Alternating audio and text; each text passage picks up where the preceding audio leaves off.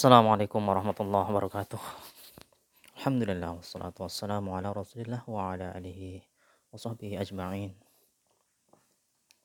Melanjutkan pendidikan anak dalam cahaya Al-Qur'an dan Sunnah. Bagian yang kelima. Wajib mendidik anak di atas kesolehan. Dengan sebab itu wajib bagi para bapak dan para ibu menaruh perhatian yang besar untuk mendidik anak-anak mereka di atas kesolehan. Agar anak-anak mereka menjadi amal soleh. Agar anak-anak mereka menjadi amal solehnya baik ketika mereka masih hidup di dunia maupun setelah mereka mati. Sebagaimana firman Allah Ta'ala, A'udhu billahi rajim. Ya ayyuhalladzina amanu ku anfusakum wa ahlikum nara wa quduhan nasu wal hijarah Hai orang-orang yang beriman, peliharalah dirimu dan keluargamu dari api neraka, yang bahan bakarnya adalah manusia dan batu.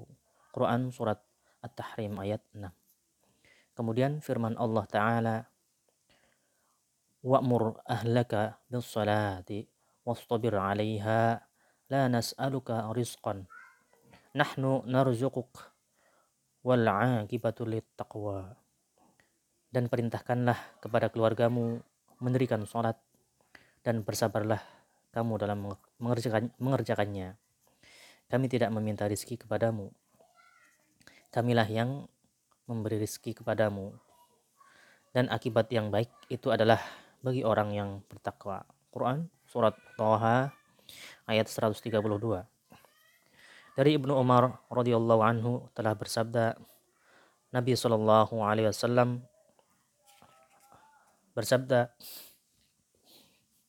kunu ra'in wa mas'ulun an ra'iyatihi al imamu ra'in wa mas'ulun an ra'iyatihi ar-rajulu ra'in fi ahlihi wa mas'ulun an ra'iyatihi wal mar'atu ra'in fi baiti zawjiha wa mas'ulatun an ra'iyatiha wal hadimu ra'in fi malin sayyidihi wa mas'ulun an ra'iyatihi. Fakulu fakulukum ra'in. Wa mas'ulun an ra'iyatihi. Kalian semua adalah pemimpin dan akan ditanya tentang kepemimpinannya.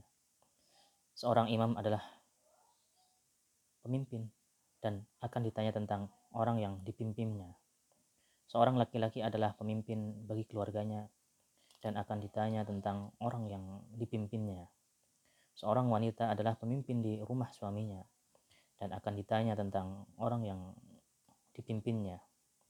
Seorang pembantu adalah pemimpin terhadap harta tuannya dan akan ditanya tentang kepemimpinannya. Maka masing-masing kalian adalah pemimpin dan akan ditanya tentang kepemimpinannya.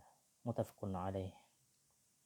Kemudian beliau Shallallahu Alaihi Wasallam berkata, Muru abna'akum bis salati wa hum sab'un sinina wadribuhum 'alaiha wa hum 'ashr wa hum 'ashar wa farraqu bainahum fil madaji' Perintahkanlah anak-anak kalian untuk sholat ketika mereka berumur tujuh tahun.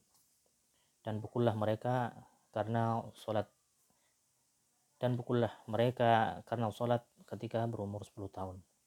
Dan pisahkanlah mereka di dalam di tempat tidur. Hadis riwayat Abu Daud. Kemudian dari Abdullah bin Amr radhiyallahu anhu Rasulullah shallallahu alaihi wasallam bersabda kafa bil mar'i ithman aw yudayya may yaqut.